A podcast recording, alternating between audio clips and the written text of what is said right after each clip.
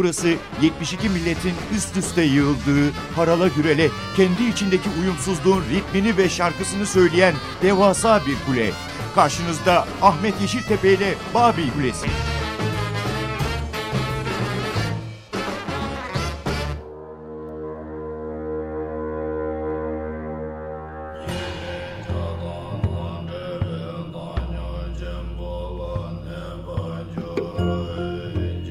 Tarih 29 Mayıs 1953, saat 11.30. Dünyanın en yüksek dağı Everest, zirvede iki adam. Edmund Hillary ve Tenzing Norgay. Biri Yeni Zelandalı, bir bal üreticisi, 38 yaşında bir arıcı ama profesyonel bir dağcı. Diğeri Nepalli bir Sherpa. Tibet, Hindistan ve Nepal'in ulusal onuru. Bir dağ rehberi yaşamını dağlarda yol göstererek kazanan bir köylü. Everest'in yerlisi.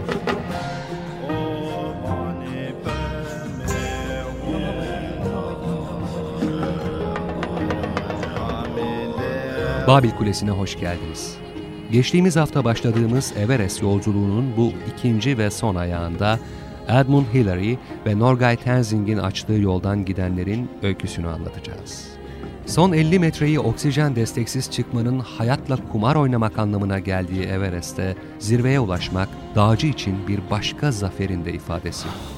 Dağcı zirveye yaklaşırken azim ve sebatın yanında hırsıyla insanlık ahlakını da yüzleştirir. Everest'te zirveye ulaşma hırsı, yerde yaralı ve bırakılırsa öleceği aşikar bir dağcının görmezden gelinerek yanından geçip gidilmesine neden olabilir. Ve olmuştur da. Everest macerasında ölümlerin birçoğunun dönüş yolunda gerçekleştiğini de eklemek gerekir. Zirvede sıfıra yakın oksijenle durmanın imkansızı başarmakla eş anlamlı olduğunu da söylemek gerekir. Hatta 180 kilometreyi bulan sert rüzgara karşı tıpkı bir yolcu uçağının motor gürültüsüne karşı ayakta durup çok az oksijenle işte zirvedeyim sevincinin ancak ve ancak kısa bir süre için yaşanabildiğini de hatırlatmak gerekir. Yani Everest'in zirvesini fethetmek pek çok imkansıza karşı imkansız yoktur, zor vardır cümlesiyle yanıt vermektir.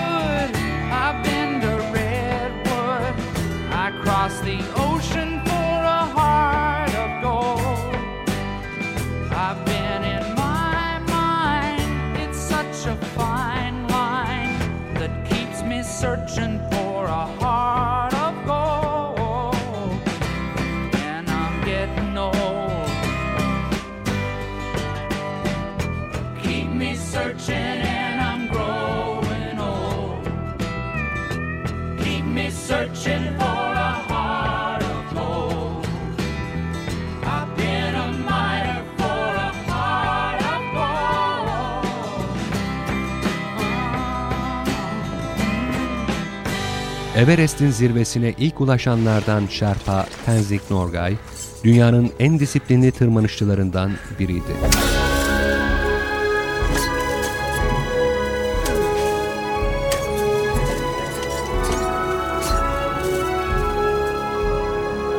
O, Everest'in zirvesindeki ilk Asyalıydı. Nepal'in küçük bir köyünde dünyaya gelen ve yoksul bir ailenin çocuğu olarak büyüyen Tenzing Norgay, 20 yıl boyunca Everest'te yapılan hemen her ekspedisyona katılarak form tuttu. 1950'lerin başına değin Şerpalara sadece hamal gözüyle bakılıyordu. Norgay, malzemesizliğe, yoksulluğa karşı fizik ve ruh gücüyle kendini kanıtladı.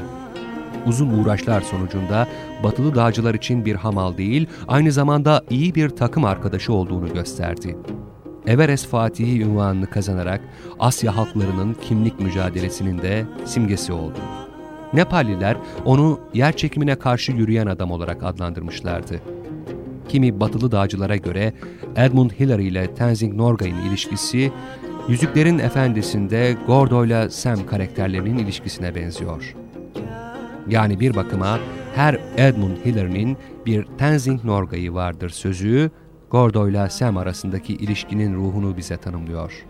Ya da tam tersi. Peki ya Şerpalar? Onlar kim? National Geographic dergisinden editör Bogna Brunner'ın ifadesiyle onlar yüksek irtifalarda yaşayan halkların en azimli, en çalışkan olanları. Dağ onların dağı ama buraya turistler akın edeli aynı zamanda onların ekmek kapısı. Everest, Şerpaların anası. Şerpalar, onun çocukları.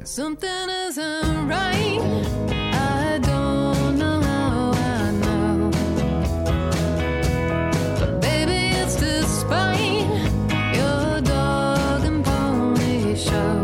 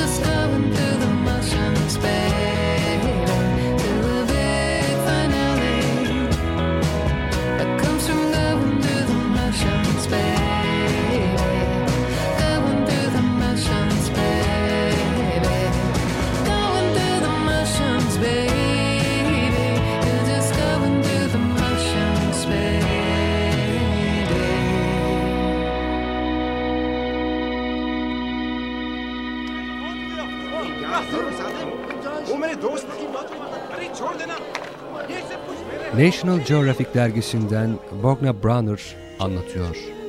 3500 metre yükseklikte bulunan bir kayın ve zakkum ormanından geçip Namçe'den 90 dakikalık yürüyüş mesafesinde bulunan dik bir yamaçta rengarenk legolar gibi dizilmiş 50 evin bulunduğu sakin Tamo köyüne vardığımda Şerpaların başka bölgelere dağılmasının sonuçlarını anlamaya başlıyorum. İnsan bundan daha etkileyici bir yerde yaşayamaz. Köyün hemen doğusunda yer alan 5761 metre yüksekliğindeki görkemli Kumbila'nın beyaz tepesi bence Everest civarındaki en güzel tepe. Şerpalar için de en kutsal olanı. Batıdaki bir dağ geçidinin arkasında 30 metre yükseklikten akan altı çağlayan Botekosi nehrinin azgın sularına karışıyor. Eylül ayı ortalarında serin ve sisli bir gün. Tam onun hemen hemen bütün sakinleri tarlalarında bir yıl boyunca yaşamlarını sürdürmelerini sağlayacak patates mahsulünü topluyorlar. Nehir yakınlarındaki bir patates tarlasında Pasang Namgyal isimli şerpayla tanışıyorum. Ufak tefek, hafif esmer yüzlü bir adam. El örgüsü kırmızı beresinin kenarlarından beyaz saç tutamları çıkmış. 74 yaşındaki Pasang beni 73 yaşındaki karısı Dalamu ile tanıştırıyor. Çift şerpa çayı içmek üzere evlerine davet ediyor beni. Tahta bir güğümün içinde tuz ve eritilmiş yak tereyağı ile yapılan kekremsi bir içecek. Zamanla alışılan ama benim asla alışamayacağım bir tadı var. Gel gelelim Dalamu, bütün bir akşam elinde demlikle başında dikilip şerpa dilinde belli ki hadi iç, hadi iç anlamına gelen bir cümleyi tekrarlamaktan vazgeçmiyor. Evleri klasik bir şerpa çiftlik evi. Yüksek, tahta bir eşikten geçip ilk kattaki loş odaya giriyoruz. Patates, şalgam, mısır ezmesi dolu çuvallar ve sepetler, bir de ocak yakacağı olarak kullanılmak üzere kurmaya bırakılmış bir yak tezeği yığını var burada. Tahta basamaklardan yukarı çıkınca uzun bir odaya varıyoruz. Duvarların kenarlarında oturmak ve uyumak için kullanılan sedirler, bir köşede evin sınırlı ısı ve ışık kaynağı olan açık bir ocak bulunuyor. Evde saat yok ama bir direğin üzerine tutturulmuş bir takvim var. Şerpalar için kutsal olan yeni ay ve dolunay zamanlarını gösteriyor. Pasang, ayın bu iki gününü tarlasına gitmek yerine evde oturup kutsal metinleri ve ilahileri okuyarak geçiriyor. Pasang ile Dalamu'nun ikisinin de ağzında pek az diş kalmış ama bana hayat hikayelerini anlatırken yüzlerindeki gülümseme pırıl pırıl. Kumbu'da doğmuş, Kumbu'da evlenmiş, Kumbu'da çalışmışlar. Bana gururla sahip oldukları şeyleri sıralıyorlar. Yaklaşık 200 dönümlük birkaç taraçalı tarla, 3 inek ve 3 zopkiyo yani erkek bir yak inek melezi. Eskiden 11 tane de kuzum vardı diyor Pasang. Ama artık yaşlandığım için onları satmak zorunda kaldım. Köpekleri onlardan uzak tutamam. İyi ama sen yaşlanıyorsan diye soruyorum bu çiftliğe kim bakacak? Bu soru üzerine ikisinin de yüzlerindeki gülümseme kayboluyor.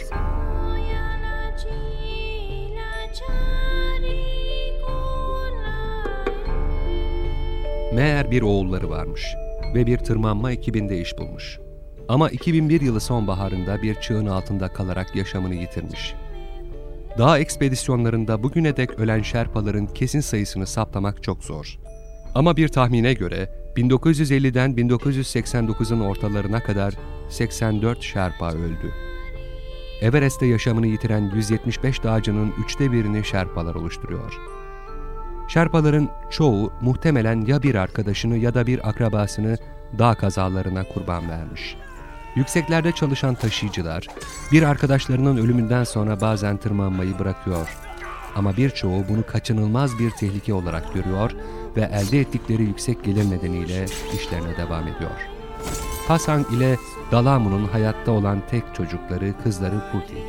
Dalamu bir yandan bana aile fotoğraflarını gösterirken, bir yandan da Putin'in iyi biriyle evlendiğini, iki güzel çocuğu olduğunu anlatıyor.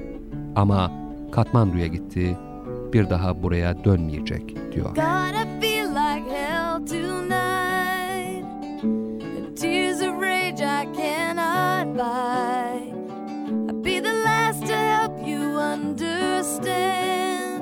Are you strong enough to be my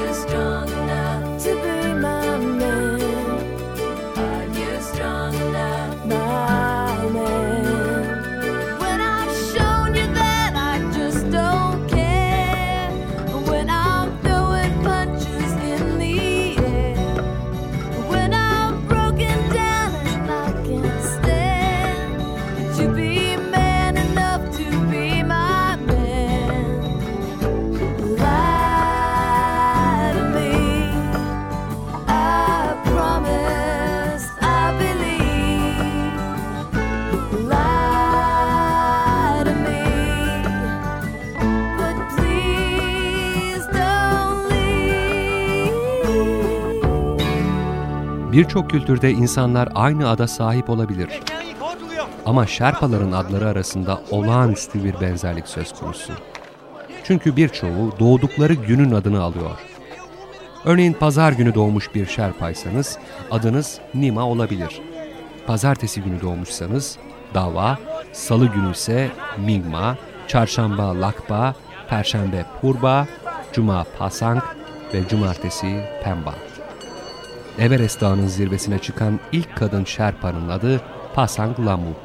Cuma tanrıçası anlamına geliyor. Pasang, haftanın günlerinden Cuma, Lamu ise Tanrı anlamına gelen La sözcüğünün dişi eki Mu ile birleşmesinden oluşuyor. Tiringi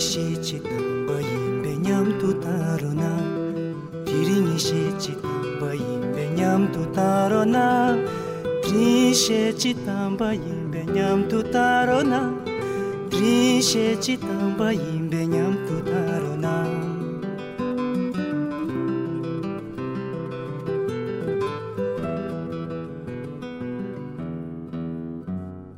tirin tape tsamba ti ini marku nyam du sa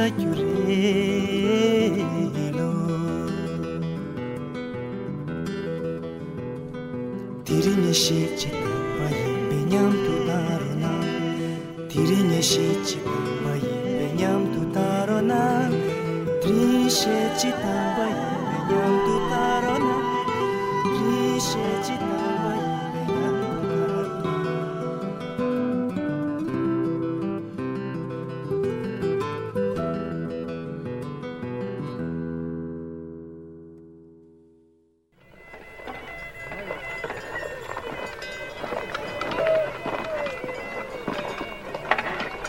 29 Mayıs 1953'te Edmund Hillary ile Tenzing Norgay'ın Everest'in karla kaplı zirvesine ayak basmasından beri dünya değişti.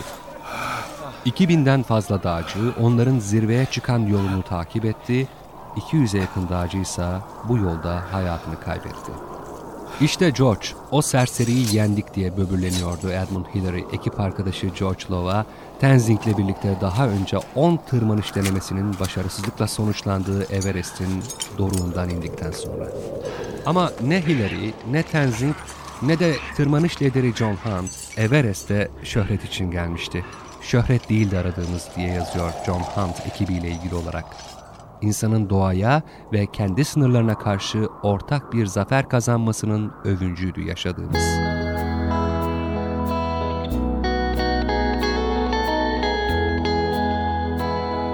...1996'da babasının yaptığı gibi zirveye çıkan Tenzing'in oğlu Jamling... ...dağa saygı ve tevazuyla yaklaşmak gerekir diye yazıyor. Everest'in doruğunda insana ancak izleyici olma izni veriliyor. O da çok az bulunur ve çok kısa bir an için.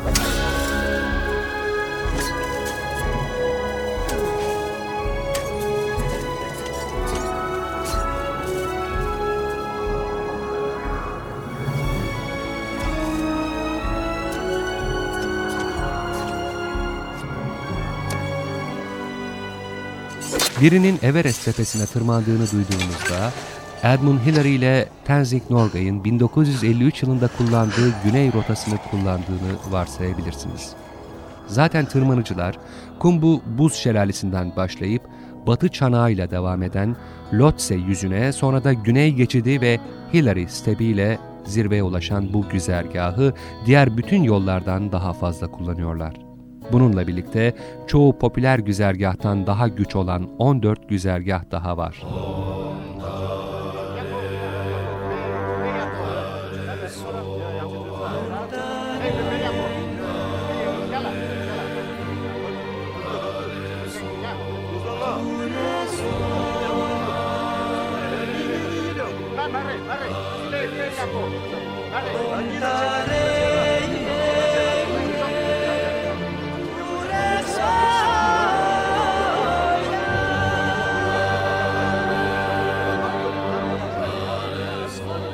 Tibet'te başlayan Batı Sırtı güzergahını ele alalım.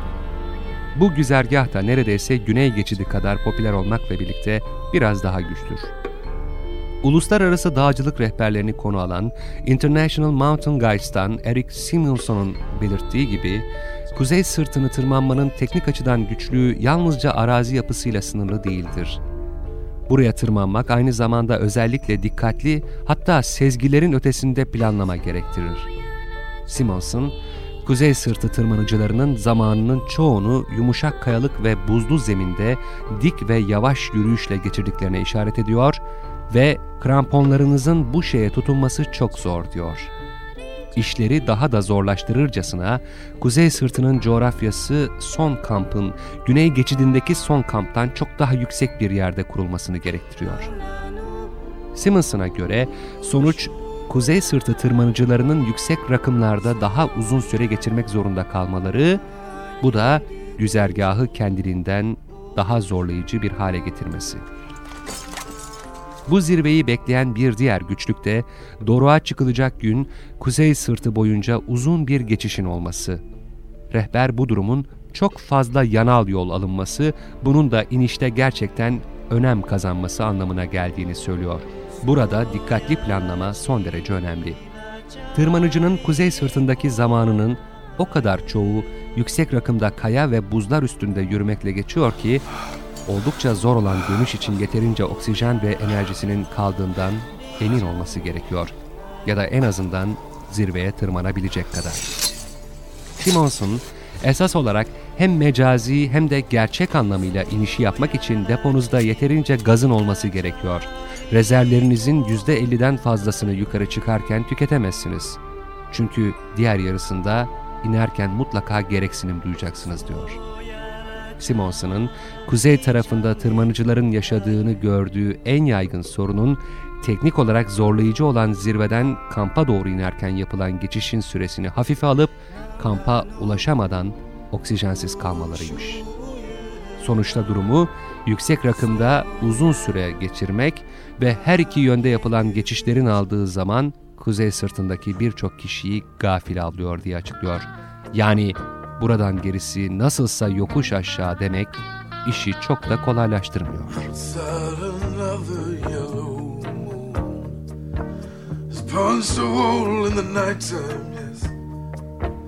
I climb to the window and down to the street. I'm shining like a new dime. The downtown trends are full of all those Brooklyn girls. They try so hard to break out of their little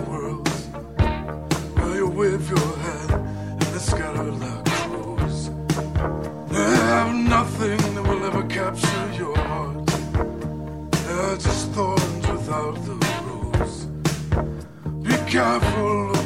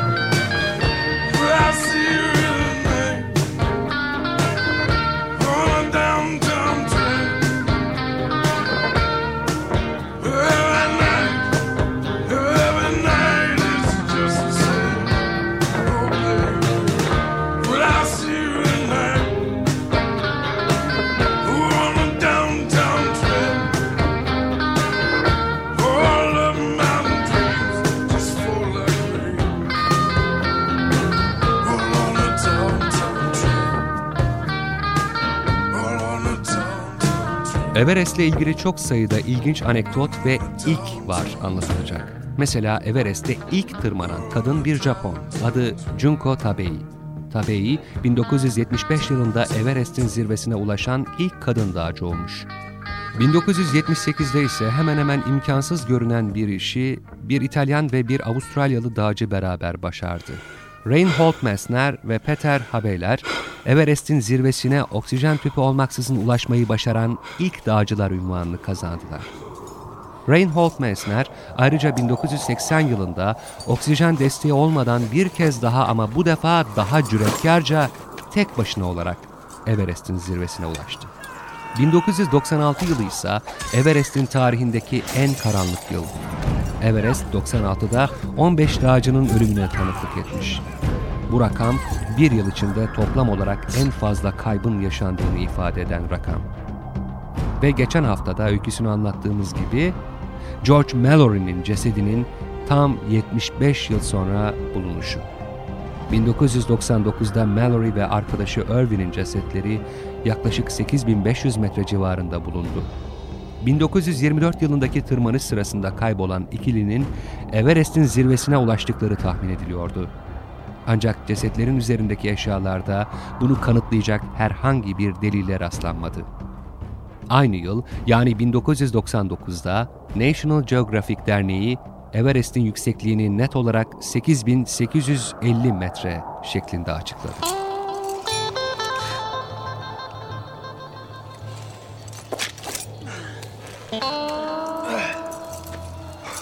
...2000 yılında ise bir yıl içinde Everest'te yapılan en fazla tırmanış gerçekleşti ve 142 dağcı zirveyi gördü.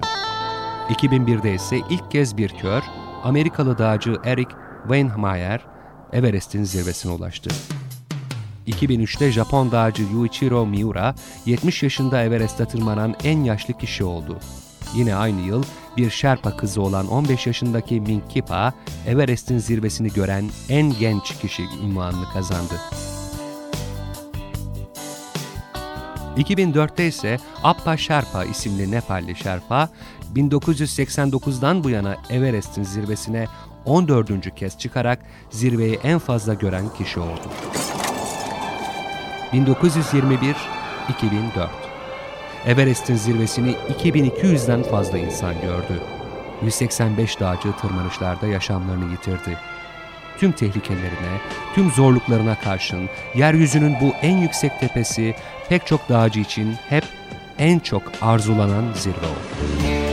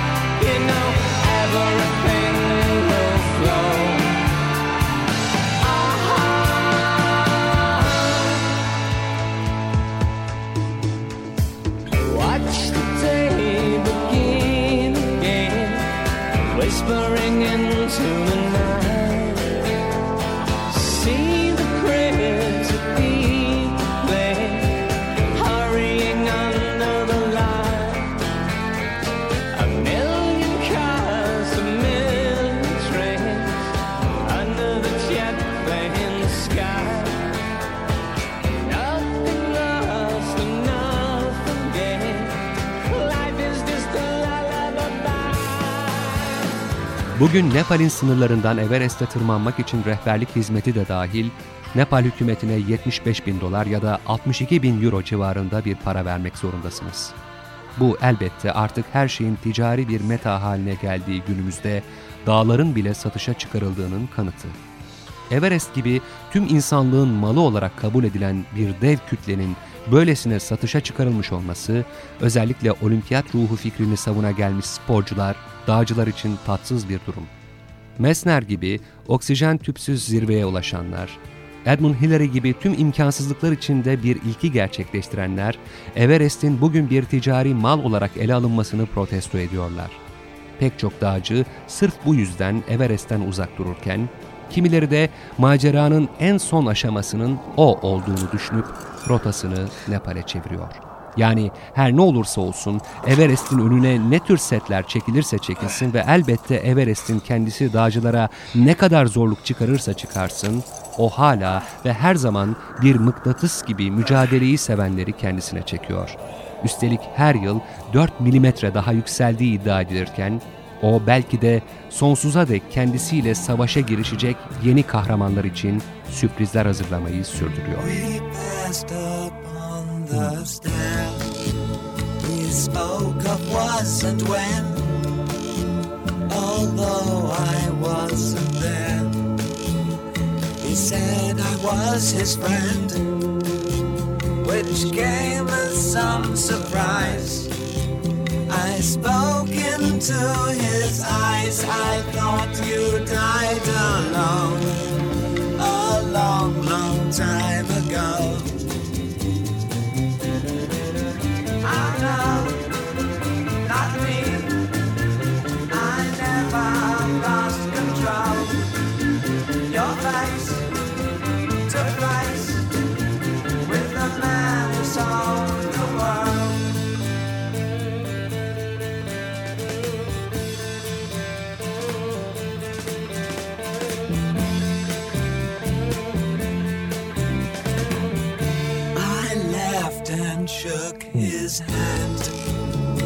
And made my way back home.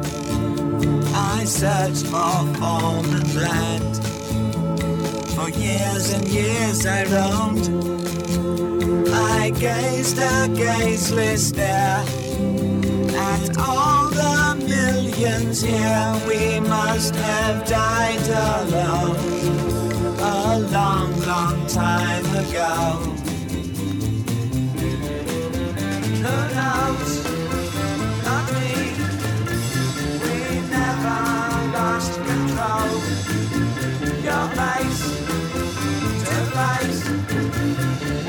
With the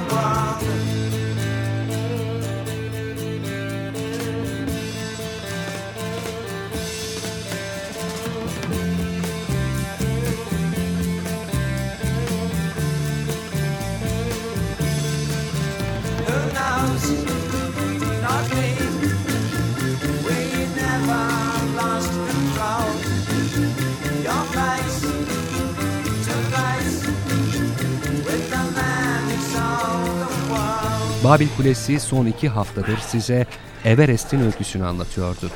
Onun keşfedilişini, direnişini ve teslim oluşunu öyküleştirdi. Haftaya yeniden ve bir başka öyküyle birlikte olmak dileğiyle, hoşçakalın, müzikle kalın.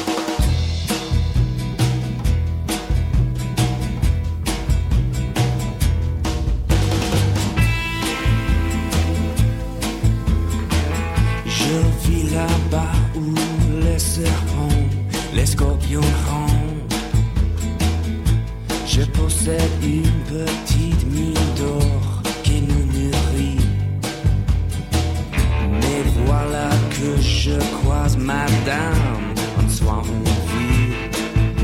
Je savais que l'aimer